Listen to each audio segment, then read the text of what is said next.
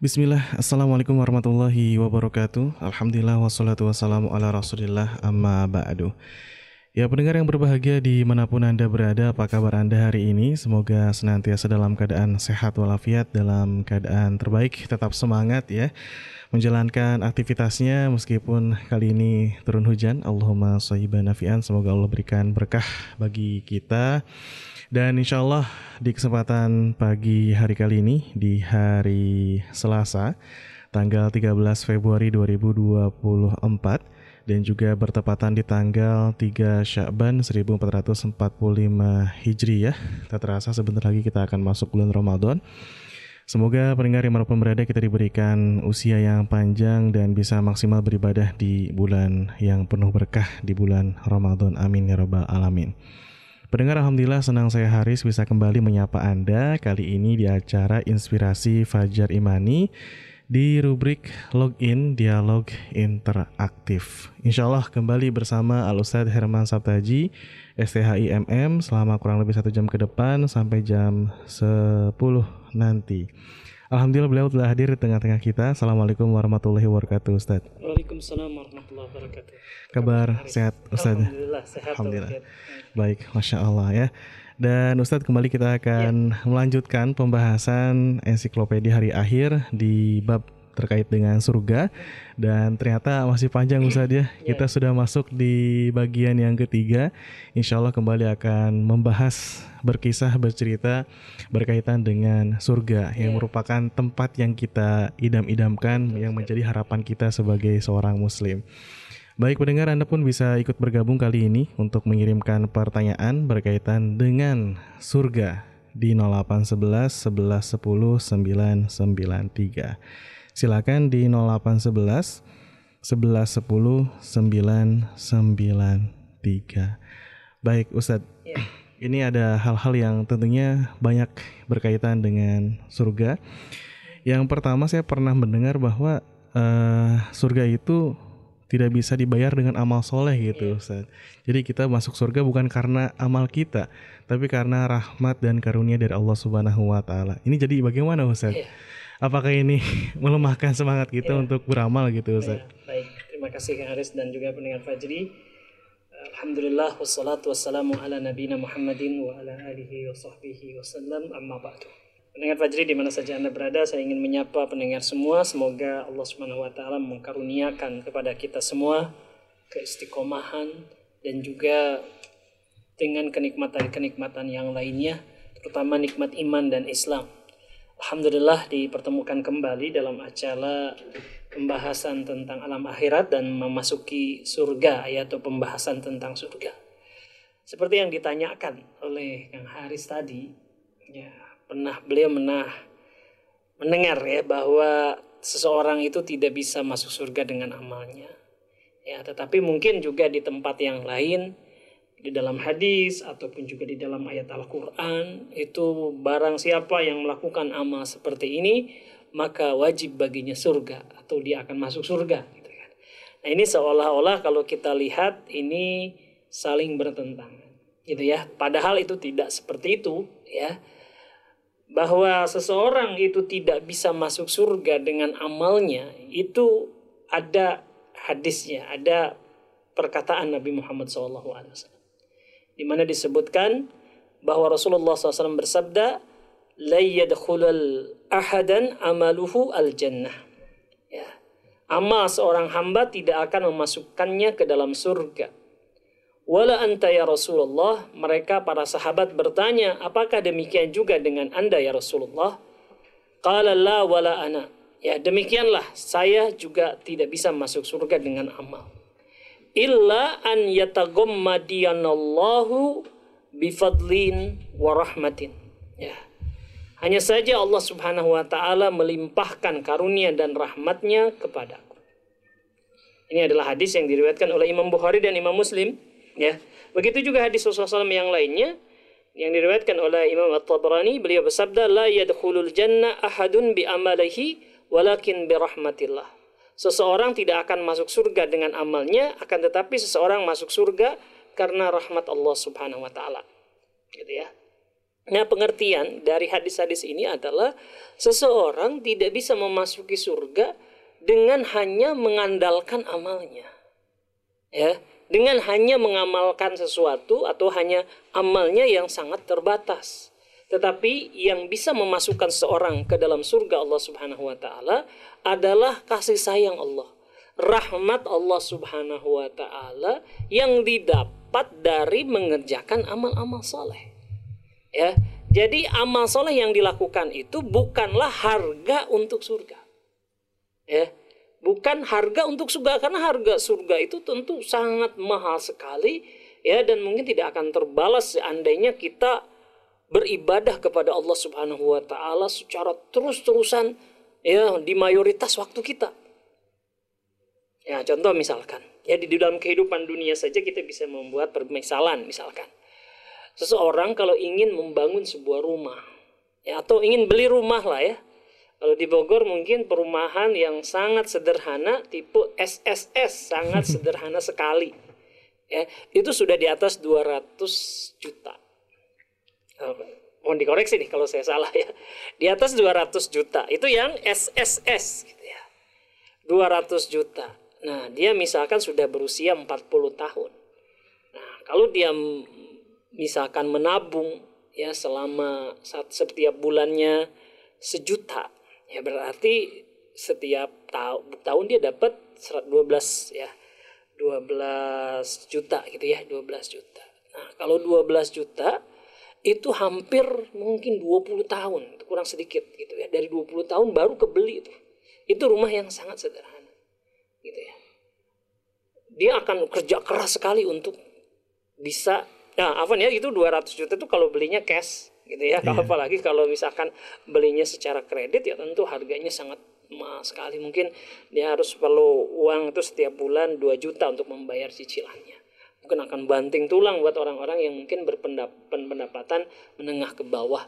Gitu ya. Ini untuk satu rumah yang sangat kecil ya eh, tanahnya 40 dan bangunannya 2, 21 meter itu dia akan usaha sangat keras sekali gitu. Nah kemudian eh, apalagi kalau kita bandingkan dengan kenikmatan surga itu setiap orang ya akan mendapatkan eh, istana di surga. Istana ini bukan udah bukan rumah mewah lagi tapi istana ya. Nah kalau seseorang itu diberikan oleh Allah Subhanahu wa taala nikmat seperti itu yang sangat luar biasa sekali ya itu tentu tidak bisa dibayar dengan ibadah kita yang masih sangat terbatas. Sholat kita ya yang kadang alhamdulillah sudah bisa melaksanakan sholat lima waktu, tapi masih kosong dari uh, kehusyuan, gitu ya. Dan kalau misalkan waktu sholat kita, gitu ya, dengan mungkin sekitar satu sholat kita anggap 10 menit kali lima itu sudah 50 menit, gitu kan persiapan misalkan ya wudhu, mandi dan segala macamnya kita tambahkan 10 menit. Itu hanya satu jam setengah ibadah kita itu ya. Sementara orang mungkin kalau untuk tadi membayar cicilan 2 juta saja mungkin dia perlu bekerja 8 hari eh 8 jam setiap hari. Gitu ya. Jadi yang dimaksud di dalam hadis tersebut adalah seseorang ya yaitu tidak bisa masuk surga dengan amalnya. Maksudnya amal itu bukanlah saman atau harga dari pembeli atau nilai yang akan digunakan untuk ditukar dengan surga. Karena surga Allah Subhanahu wa taala itu mahal. Gitu ya. Tetapi eh, seorang itu bisa masuk surga dengan rahmat Allah. Yang di mana rahmat Allah Subhanahu wa taala itu didapat dengan cara beramal soleh beriman kepada Allah Subhanahu wa taala. Gitu ya. Nah, jadi kesimpulannya adalah kita masuk surga dengan rahmat Allah Subhanahu wa taala. Dan rahmat Allah Subhanahu wa taala diraih dengan amal soleh. Ya. Jadi besar kecilnya rahmat Allah Subhanahu wa taala itu juga tergantung kualitas dan kuantitas amal soleh kita. Insya Allah taala semakin bagus ya kuantitas artinya porsi kita untuk beribadah kepada Allah semakin banyak ditambah juga kualitasnya juga bagus maka ini akan memperbesar peluang kita untuk mendapatkan rahmat Allah yang dengan rahmat Allah itu kita bisa masuk surga. Gitu ya.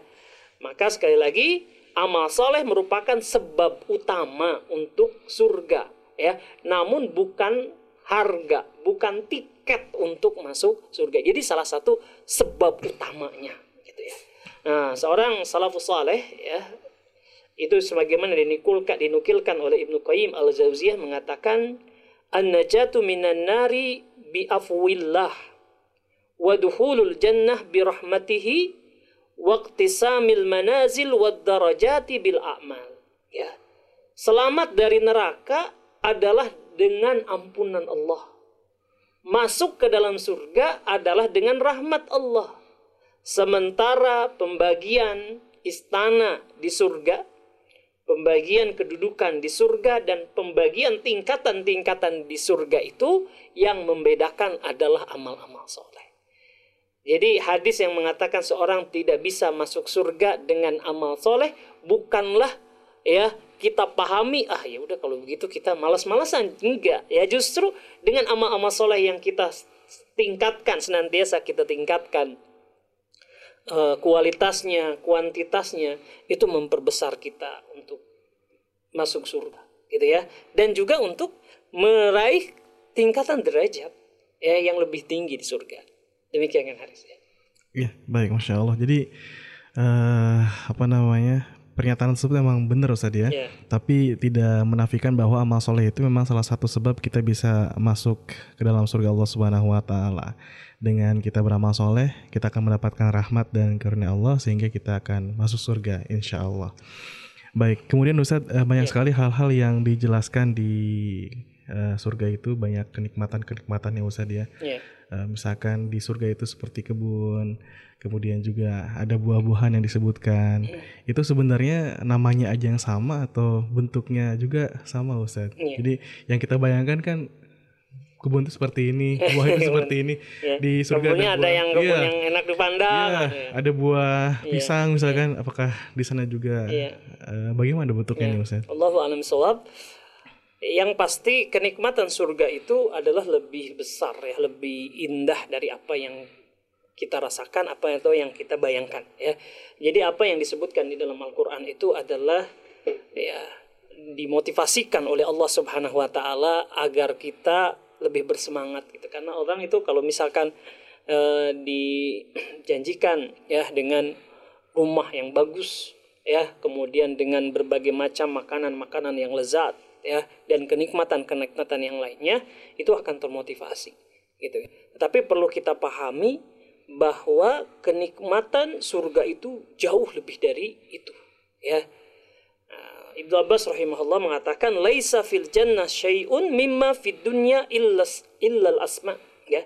Tidak ada sesuatu pun di surga dari perkara dunia ini hanya kecuali hanya sekedar nama Maksudnya apa? Bahwa apa yang misalkan dari rumah yang kita bayangkan ya, itu adalah yang terindah, yang paling bagus yang kita idam-idamkan.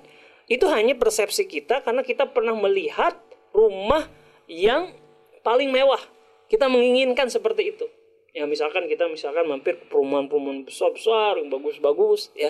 Maka ketika kita dijanjikan sebuah rumah, sebuah istana, kita mikirnya apa yang sudah kita lihat sebelumnya. Sementara kenikmatan surga itu belum ya kita tidak pernah melihatnya. Ya, jadi apa yang dijanjikan oleh Allah Subhanahu wa taala itu lebih besar daripada apa yang kita pernah lihat. Ya. Jadi itu walaupun namanya istana gitu kan, itu hakikatnya apa yang ada di surga jauh lebih nikmat, jauh lebih besar lagi.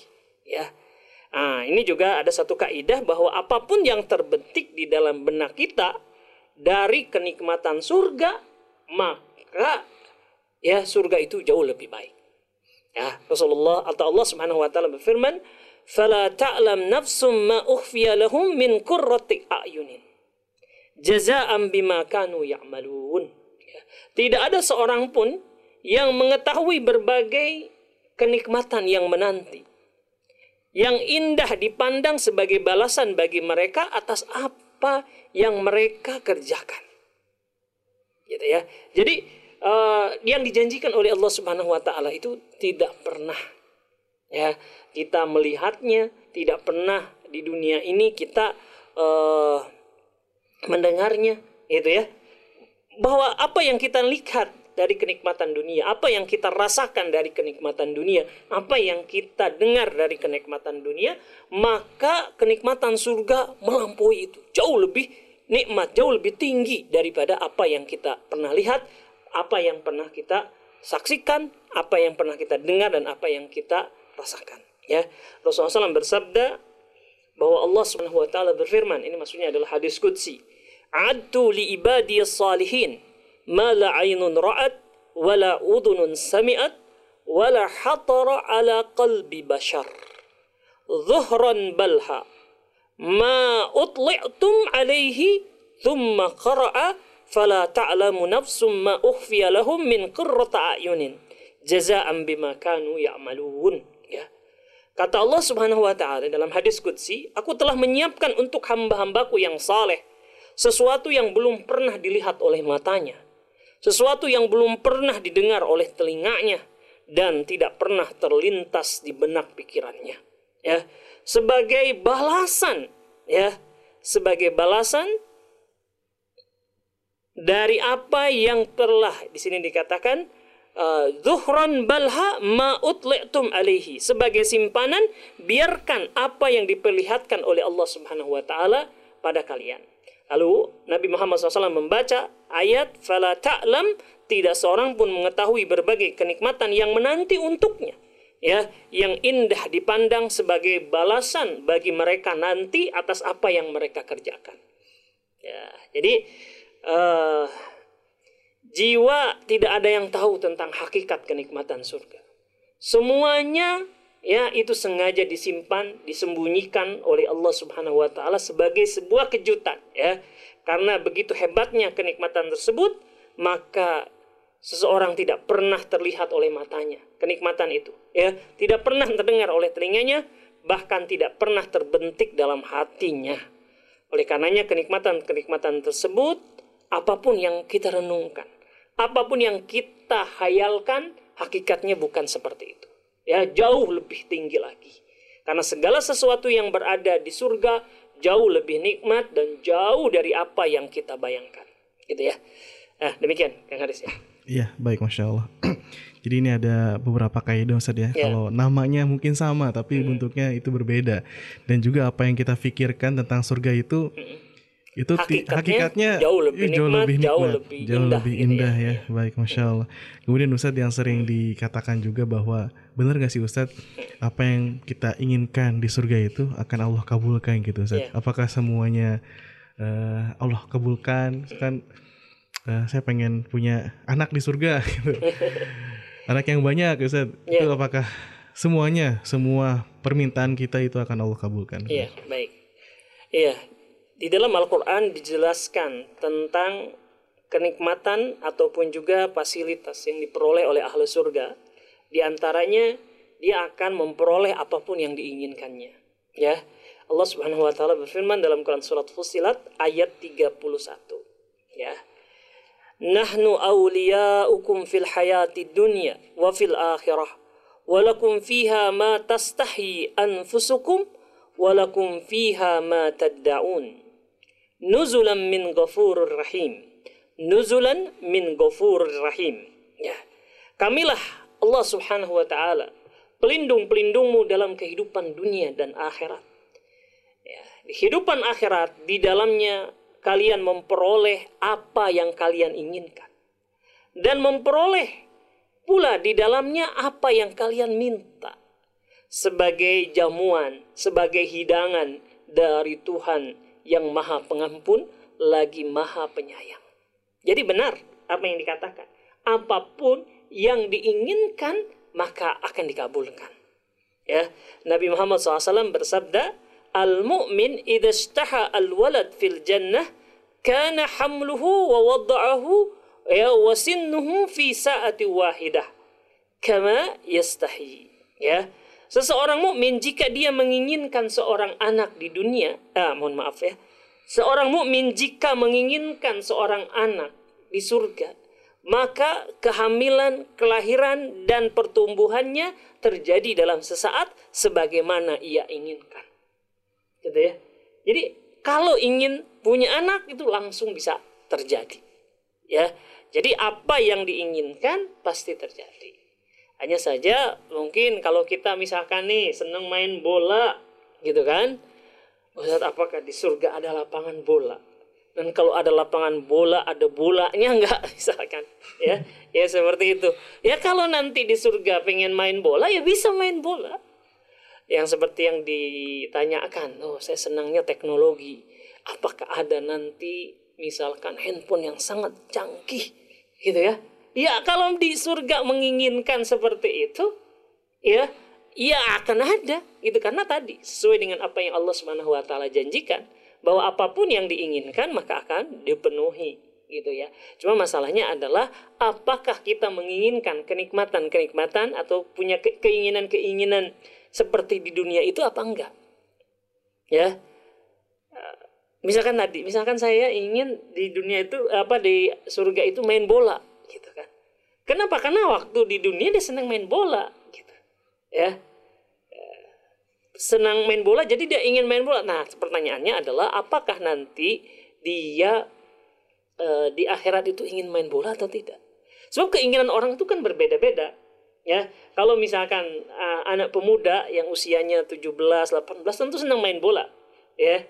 Karena fisiknya sedang bagus gitu ya. Coba coba tanya ke bapaknya, "Pak, bapaknya misalnya usianya 50, 60, ya. Bapak masih ini enggak, Pak?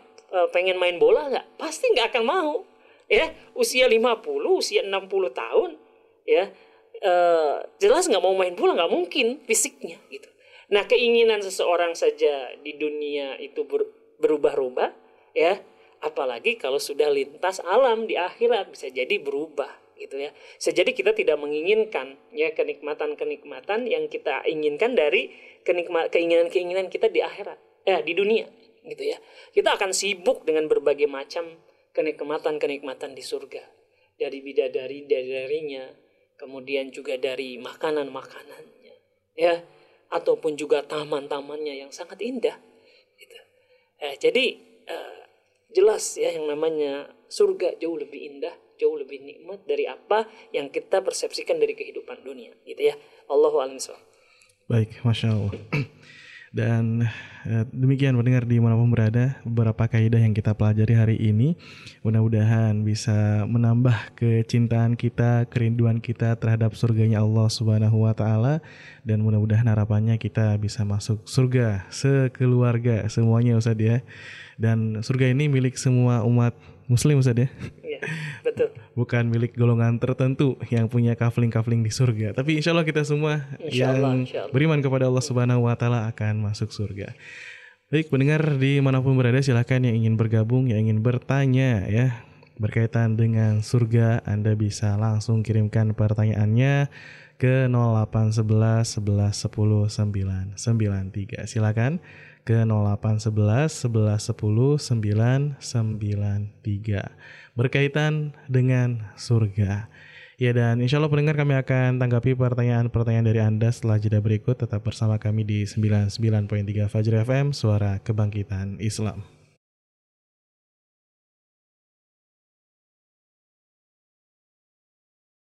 Ya baik pendengar yang berbahagia di mana pun Anda berada masih bersama saya Haris di acara Inspirasi Fajar Imani di rubrik Login Dialog Interaktif dan bersama Alustad Herman Sabtaji STHIMM Hafizullah Ta'ala kali ini kita sudah membahas berkaitan dengan surga. Dan ini adalah pembahasan kita untuk pertemuan yang ketiga kalinya di bab surga ini. Dan ada beberapa faidah yang bisa kita ambil di kesempatan kali ini. Ada empat hal yaitu yang pertama bahwa kita masuk surga karena rahmat dan juga karunia dari Allah Subhanahu wa taala. Dan amal ibadah termasuk salah satu bagian dari hal yang bisa masukkan kita ke dalam surganya Allah Subhanahu wa taala ya. Kemudian juga ada beberapa hal lagi bahwa yang disebutkan di surga jika dibandingkan dengan kenikmatan di dunia yang sama hanya sekedar nama apa adapun hakikatnya adalah berbeda ya dan kemudian apa pun yang terbetik dalam benak kita dalam kenikmatan surga pasti di surga adalah lebih baik dan yang keempat di surga apa pun yang kita minta pasti akan Allah kabulkan. Dan pendengar kita akan masuk ke sesi tanya jawab dan juga diskusi. Silakan yang ingin bergabung bertanya kali ini bisa ke 0811 11 10 993. Baik, kita akan bacakan Ustaz satu persatu yeah. pertanyaan dari pendengar. Yang pertama ada dari Jaka, Ahlan wasahlan di Ciomas, Parakan, Kabupaten Bogor, Jawa Barat. Iya, baik, Masya Allah. Assalamualaikum, Waalaikumsalam warahmatullahi wabarakatuh. Kang Jaka ya? Iya, Pak Ustadz, eh, berapa umur manusia yang masuk surga? Uh, itu yang pertama Ustadz. Yeah. Kemudian wajahnya apakah benar sama semuanya dilihatnya? Terima yeah. kasih Ustadz. Baik, Baik silakan. Alhamdulillah salatu wassalamu ala nabiyina Muhammadin wa ala alihi wa sahbihi wasallam.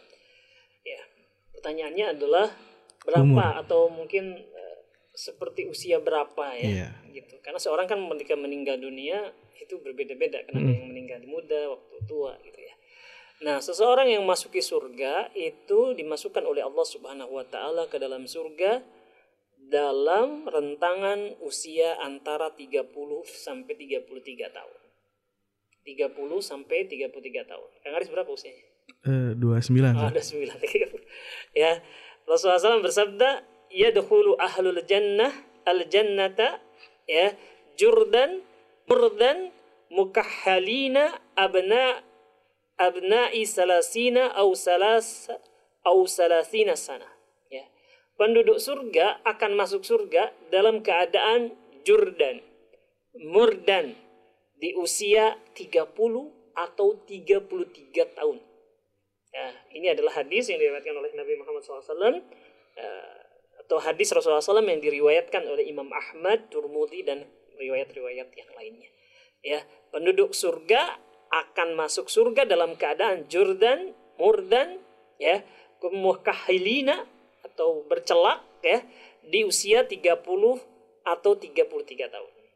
Ya, 30 30. Yang dimaksud dengan Jordan adalah uh, dia jamak dari kata ajrad yang artinya adalah tidak memiliki bulu rambut di badannya. Ya. Kemudian murdan artinya tidak memiliki jenggot. Gitu kan? Dan e, bercelak kita sudah paham ya, bercelak matanya pakai celak gitu kan. Dan usianya antara 30 sampai 33 tahun. Gitu ya. Nah, Ibnu Qayyim Al-Jauziyah rahimahullah menjelaskan hikmah Kenapa ahlu surga ketika masuk surga usianya 33 tahun? Ya. Beliau mengatakan hikmah diberi usia 33 tahun sangat jelas. Karena di usia itu merupakan puncak dan keadaan paling sempurna dalam merasakan kenikmatan. Karena di usia itu adalah usia kekuatan yang paling sempurna, segala organ segala organ kenikmatan berkembang dan gabungan Dua ini diperoleh kesempurnaan kenikmatan dan kuat dalam menikmatinya. Gitu ya. Jadi mungkin kita nganggap usia 20, 70, 17 tahun itu kan memang secara fisik akan lebih kuat daripada uh, yang berusia 30 atau 33 tahun. Yeah. Tapi ada organ-organ ya yang untuk merasakan kenikmatannya itu menurut para ulama belum tumbuh. Ya, baru tumbuh ketika berusia 30 33 tahun. Jadi itu adalah puncak untuk bisa merasakan berbagai macam kenikmatan di surga. Oleh karena itu Allah jadikan dia berusia 30 atau 33 tahun. Ya, itu demikian ya dari keterangannya. Kemudian juga uh, apa tadi wajah wajahnya apa ya? mirip semua Ustaz, oh, seluruh ya beda surga. beda tentu saja ya berbeda antara saya dengan Kan Haris saja berbeda gitu hmm. kan tetapi mereka punya satu uh, kesamaan dari fisik apa itu yaitu ahli surga itu sama-sama dalam keadaan bersih, dibersihkan oleh Allah Subhanahu wa taala. Tidak ada lagi noda, tidak ada lagi kotoran yang menempel pada dirinya, ya. Dan dia juga selalu dalam keadaan muda, sehat, bahagia dan abadi. Ya. Rasulullah Shallallahu alaihi wasallam atau Allah Subhanahu Nabi Muhammad SAW bersabda, Yunadi mudadi, ya penyeru di surga menyeru, ya. Inna lakum antasihu fala tasqamu abadan. Sesungguhnya kalian itu akan dalam keadaan sehat dan tidak akan mati selamanya, tidak akan sakit selamanya. Ya, kalian ya sehat dan tidak akan sakit selamanya. Kalian muda dan tidak tua selamanya. Kalian bersenang-senang dan tidak akan bersedih selamanya. Ya, itulah maksud firman Allah Subhanahu wa taala di dalam Al-Qur'an, Quran surat Al-A'raf ayat 43. Ya, wa nudu antilkumul jannah uristumuha bima kuntum ta'malun. Ya. Dan itulah surga yang diwaruskan kepada kalian disebabkan amal-amal yang dahulu kalian kerjakan. Ya, jadi eh, kalau wajah tentu masing-masing punya kekhususan, ya. Tapi wajahnya adalah wajah yang bersih, wajah yang ganteng, wajah yang muda, ya. Dia tidak akan dituakan karena nggak tidak akan dituakan karena sakit, karena perpanjangan usia, gitu ya. Jadi wallahu alam suwab seperti itu. Ya demikian juga para wanita. Gitu. Wallahu alam Baik, Masya Allah. Terima kasih Ustaz atas jawabannya. Demikian ya pertanyaan dari Kang Jaka sudah Ustaz jawab. Berikutnya ada dari Ibu Nani di Cilengsi Bogor ya, warga Bogor nih, Masya Allah. Assalamualaikum, Waalaikumsalam warahmatullahi wabarakatuh. Afan Ustadz, saya mau bertanya. Uh, apakah di surga ada bidadaranya, bidadari laki-laki maksudnya Ustaz yeah. ya? Sebab kan untuk ikhwan, untuk laki-laki itu katanya ada bidadari. Hmm. Syukron. Iya, yeah, betul ya. ya. Perlu diketahui bahwa uh, wanita-wanita salih, istri-istri salihah, ya wanita-wanita salihah itu mereka akan menjadi bidadari-bidadari surga, akan menjadi istri bagi para penghuni surga dari kalangan laki-laki yaitu suaminya sendiri. Ya, suaminya sendiri. Jadi dan tentu seorang wanita ya dia kebahagiaan terbesarnya dan mungkin cita-citanya seorang wanita salihah ini adalah bisa mendampingi suaminya di surga nanti ya menikmati kenikmatan-kenikmatan surga itu bersama suaminya. Ya jadi yang uh, dijanjikan atau yang dis, disediakan adalah mendampingi suaminya untuk menikmati kenikmatan-kenikmatan surga yang lainnya. Gitu ya. Uh, nah bagaimana kalau dengan yang uh, belum pernah menikah? Lantas kemudian meninggal dunia ya. Ya tentu saja mereka juga akan berhak untuk mendapatkan kenikmatan-kenikmatan surga ya tetapi apakah mereka akan disediakan suami? Wallahu alam. Gitu ya.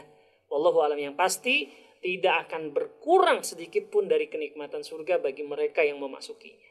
Ya apa yang mereka inginkan semuanya bisa terjadi. Ya semuanya pasti terjadi. Ya pasti dia dapatkan. Allahu a'lam. Iya baik. Masya Allah demikian ya jawaban dari pertanyaan Ibu Nani di Cilengsi Bogor ya Barokallahu Fik berikutnya Ustadz ada dari Div Ya, Assalamualaikum Waalaikumsalam warahmatullahi wabarakatuh Ada dua pertanyaan Ustadz Yang ya. pertama Orang yang masuk surga, apakah masih bisa sholat Ustadz atau ibadah wajib seperti kita di dunia? Itu yang ya. pertama Ustadz. Baik. Kita pahami ya bahwa di surga itu adalah negeri untuk mendapatkan balasan. Ya, mendapatkan dari setiap balasan yang dia kerjakan di kehidupan dunia itu dibalas di akhirat, dibalas di surga Allah Subhanahu wa taala.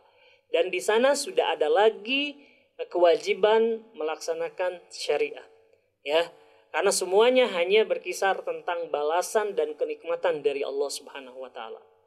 Nah, berarti apakah tak ada solat atau apa tadi? Ibadah solat, ibadah solat dan yang lainnya yang berupa kewajiban itu sudah tidak ada. Hmm. Ya, tapi kalau ada seorang itu di surga, dia merasakan kerinduan, kenikmatan di dalam surga, uh, di dalam surga itu uh, mohon maaf ya kalau seorang dia merasakan kenikmatan di dalam sholat dan ingin selalu bisa sholat gitu ya dan apa pun tadi kita katakan yang diinginkan seseorang itu boleh ya itu akan terjadi ya. Jadi kalau sholat sebagai bentuk kewajiban tidak ada ya. Tetap sebagai sebuah syariat tidak ada. Tapi kalau seseorang dia ingin ya dan merasakan kenikmatan yang luar biasa dalam sholatnya tentu dia boleh sholat ya. Tentu dia boleh sholat. Dipersilahkan ya. Kalau itu adalah untuk menyempurnakan kenikmatannya. Itu. Allahu a'lam Baik, masya Allah.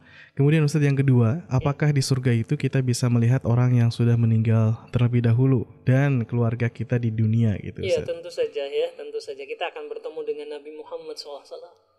Ya, sosok yang kita sangat cintai walaupun kita tidak pernah bertemu, gitu ya.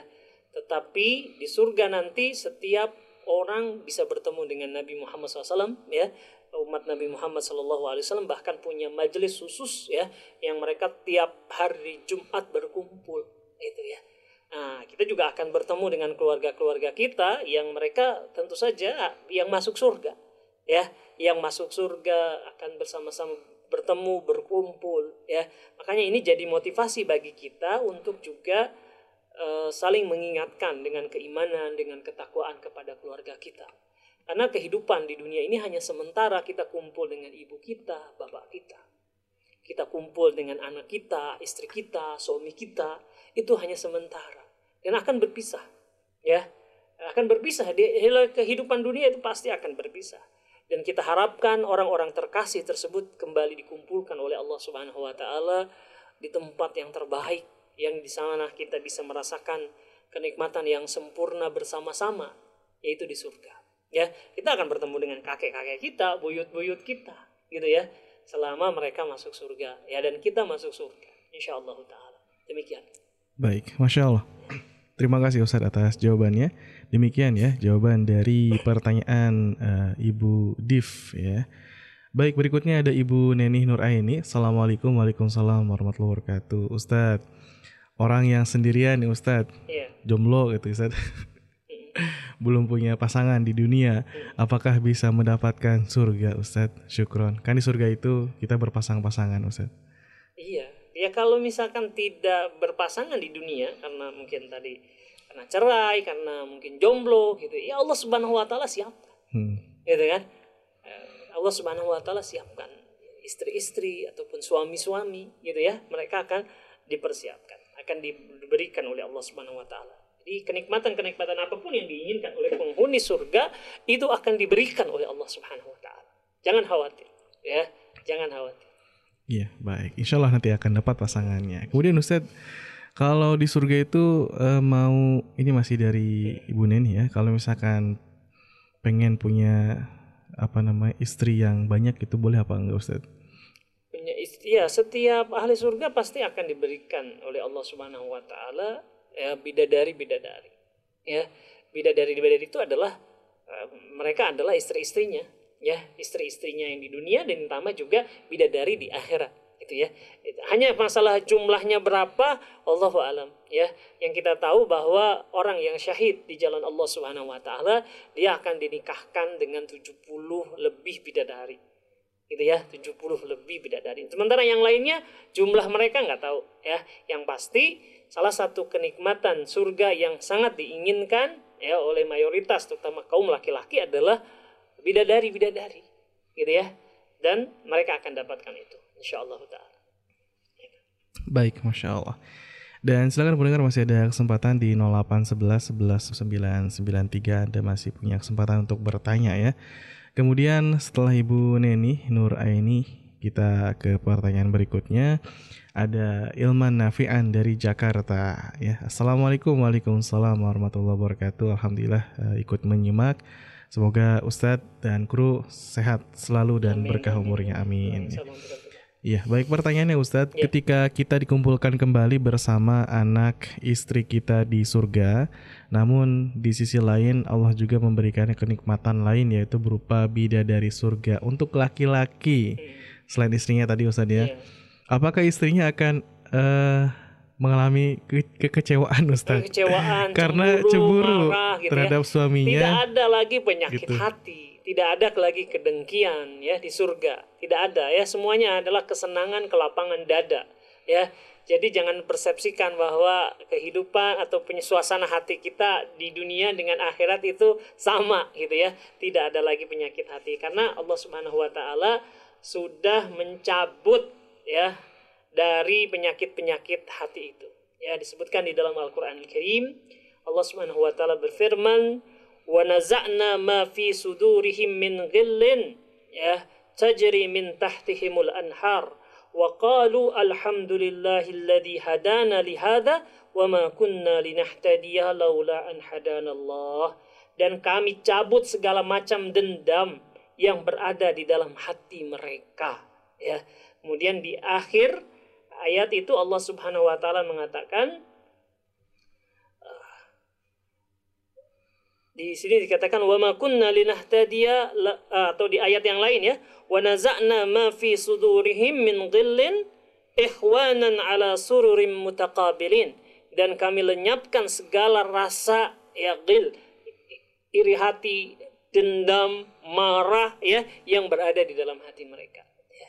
jadi tidak akan ada berbagai macam penyakit hati gitu ya. Seperti dendam hasad buruk sangka cemburu marah dan yang lain-lainnya ya. Semua penyakit itu tidak ada sama sekali di hati-hati para penghuni surga ya. Ini adalah sebagai penyempurna kebahagiaan mereka ya. Kalau misalkan mereka mendapatkan kenikmatan lantas kemudian muncul cemburu wah jadi suasananya jadi kacau gitu kan jadi itu semua ditiadakan oleh Allah Subhanahu wa taala jadi tidak usah khawatir cemburu atau apa ya istrinya iya baik masya Allah demikian ya untuk uh, Kang Ilman Nafian ya. Semoga jawabannya bisa difahami ya. Baik, berikutnya uh, ini ada pertanyaan kali ini Ustadz ada dari Pak Wayan S Putra. Assalamualaikum Waalaikumsalam warahmatullahi wabarakatuh. Ustadz mohon pencerahannya terkait dengan surat At-Tur ayat 21. Allah Subhanahu wa taala berfirman dan orang-orang yang beriman beserta anak-anak cucu mereka yang mengikuti mereka dalam keimanan kami pertemukan mereka dengan anak cucu mereka di dalam surga dan kami tidak mengurangi sedikit pun pahala amal kebajikan mereka. Quran Surat At-Tur ayat 21. Ustaz, yeah. uh, mohon pencerahannya Ustaz terkait hmm. dengan ayat ini Ustaz dari Pak Wayan dari Jatiwaringin Pondok Gede Bekasi. Yeah. Atur Ustaz ayat ke-21. Baik ya. Ya, maknanya jelas ya bahwa orang-orang yang beriman dan anak-anak mereka yang juga beriman ya, akan dimasukkan ke dalam surga Allah Subhanahu wa taala bersama-sama. Coba kita baca penafsiran tentang ayat ini walladzina amanu ya di ayat ini ya yaitu di dalam Al-Qur'an Quran surat Tur ya 21 ya. Iya. Yeah.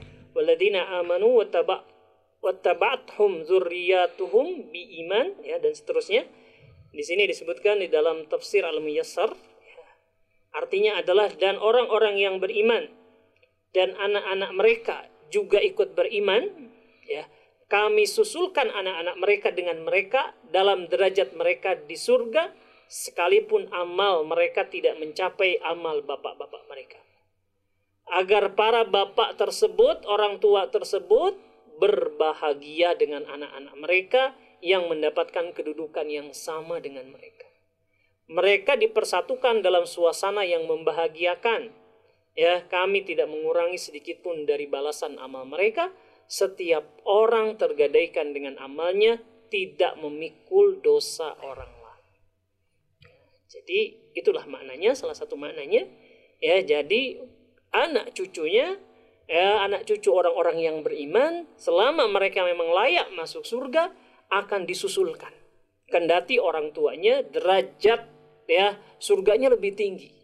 Nah ini jadi motivasi bagi kita ya untuk mendidik anak kita dan juga terhadap diri kita untuk terus beramal soleh ya. Sehingga nanti kita dan anak-anak keturunan kita juga dikumpulkan oleh Allah Subhanahu wa taala dalam satu level surga yang sama gitu ya yang akan tentu saja menyempurnakan kenikmatan gitu ya karena keluarga kita anak kita cucu kita itu ikut bersama kita demikian Allah Baik, Masya Allah. Terima kasih Ustaz atas jawabannya. Kemudian mungkin satu pertanyaan lagi, walaupun yeah. masih ada beberapa pertanyaan yang belum terjawab Ustaz ya, karena yeah. waktu kita juga terbatas.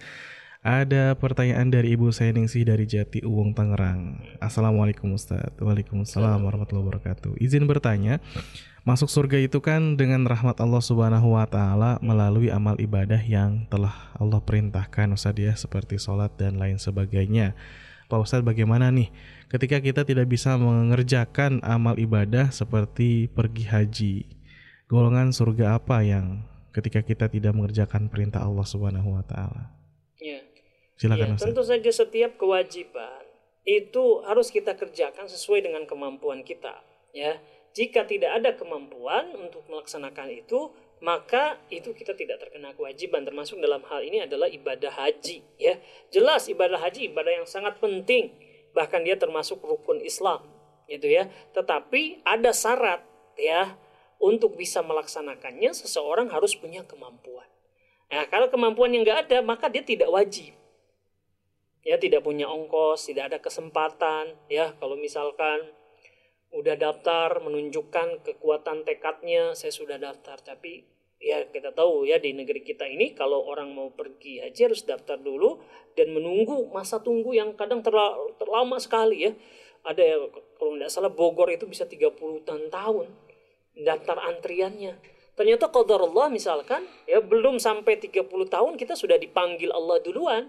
Ya nggak berdosa. Bahkan kita sudah dapat pahala karena punya tekad ya punya rencana untuk melaksanakan kewajiban itu hanya saja tidak terlaksana karena ada sebab-sebab tertentu, ada mawani, ada yang menghalangi ya tadi karena e, masa tunggu yang lama misalkan. Ya, kita dimaklumi oleh Allah Subhanahu wa taala, diampuni ya karena tidak melaksanakan itu bahkan diberikan pahala karena kita sudah berniat ya. Karena seorang sudah punya niat untuk melaksanakan suatu amal saleh tetapi karena ada penghalang karena ada sebab-sebab tertentu yang belum di luar kendali dia, maka dia dapat pahala seperti orang yang mengerjakannya. Gitu ya. Eh, Rasulullah SAW bersabda tentang suatu pasukan di masa peperangan ya. Eh, kata Rasulullah SAW ketika itu kepada para sahabat kalau tidak salah itu perang Uhud ya. Itu kepada para mujahidin di perang Uhud. Sesungguhnya di belakang kalian yaitu di Madinah ada orang-orang tidaklah kalian menempuh suatu bukit, melewati suatu lembah, ya, melainkan mereka bersyarikat pahalanya dengan kalian, sama pahalanya dengan kalian. Ya. Mereka nggak ikut, tapi kalian berjihad di jalan Allah, kalian beribadah kepada Allah Subhanahu wa taala, pahalanya mereka itu sama dengan kalian kendati nggak ikut bersama kalian. Ya, kenapa demikian? Habasahumul udur yang menjadikan mereka itu tidak bisa ikut ada udur ada alasan syar'i ya mereka sakit mereka tertahan ya sehingga tidak bisa melaksanakan ibadah itu. Ya demikian juga kita ya. Kita sih pengen ibadah haji misalkan atau ibadah-ibadah yang lain tapi misalkan kita belum sanggup untuk membiayai karena biayanya besar misalkan ya, ya. atau udah ada biayanya udah daftar tapi ternyata nggak dapat kuota sampai meninggal dunia ya itu udah udur ya kita dapat pahalanya walaupun kita belum sempat melaksanakannya. Demikian Allah alam baik masya Allah. Pertanyaan dari ibu Sainesi tadi sekaligus mengakhiri perjumpaan kita Ustadz ya, ya. dan mungkin Ustadz ada yang ingin disampaikan Ustadz di pertemuan kali ini? Silakan. Baik ya. Hadirin rahimakumullah apa yang kita bahas ini masih seputar kaidah-kaidahnya ya supaya kita lebih bisa memahami kenikmatan-kenikmatan surga itu. Jadi bukan hanya penikmatan surga begini begini begini ya, tetapi juga ada kaidah-kaidahnya yang pasti semua apa yang ya, dijadikan sebagai kaidah yang berdasarkan sumber-sumber itu untuk agar penghuni surga semakin sempurna menikmati surga itu. Ya. Dan ini juga membuat kita termotivasi untuk melaksanakan amal-amal soleh karena sekali lagi tadi ya kita tidak bisa membeli surga ya menukar surga dengan sholat kita. Karena sholat kita masih banyak kurangnya ya. Tetapi kita perbagus sholat kita ya yang wajib kita sempurnakan dengan sholat-sholat sunnah. Kualitasnya juga kita tingkatkan. Demi apa? Agar ala satu amal soleh tersebut mengundang rahmat Allah subhanahu wa taala. Yang dengan rahmat itulah kita memasuki surga Allah subhanahu wa Mudah-mudahan ini memotivasi kita dan insya Allah kita teruskan pembahasannya di pertemuan yang akan datang. Mohon maaf apabila ada kekurangan, ada kesalahan. Walafu minkum. Assalamualaikum warahmatullahi wabarakatuh. Waalaikumsalam warahmatullahi wabarakatuh Baik, Masya Allah Ustaz Terima kasih banyak atas ilmu yang disampaikan hari ini Mudah-mudahan berfaidah dan bermanfaat untuk kita semua Bisa meningkatkan iman kita terhadap hari akhir Dan meningkatkan kecintaan kita terhadap surga Dan semoga kita masuk surga bersama keluarga kita Amin Baik, mohon maaf kepada pendengar yang sudah mengirimkan pertanyaan tapi belum terjawab. Mudah-mudahan bisa dijawab di edisi mendatang karena waktu kita juga terbatas di pertemuan hari ini. Dan simak terus acara Inspirasi Fajar Imani di rubrik Login masih dengan pembahasan ensiklopedia hari akhir setiap hari Selasa jam 9 sampai dengan jam 10 pagi di Radio Fajri FM. Baik pendengar yang dirahmati Allah Subhanahu wa taala, sampai di sini perjumpaan kita di acara Inspirasi Fajar Imani di rubrik Login. Terima kasih banyak atas kebersamaan Anda dan Mohon maaf apabila ada kesalahan. Saya Haris pamit undur diri mewakili akhi Hanafi di meja operator. Subhanakallahumma bihamdika asyhadu an la ilaha illa anta astaghfiruka wa atubu. Wassalamualaikum warahmatullahi wabarakatuh.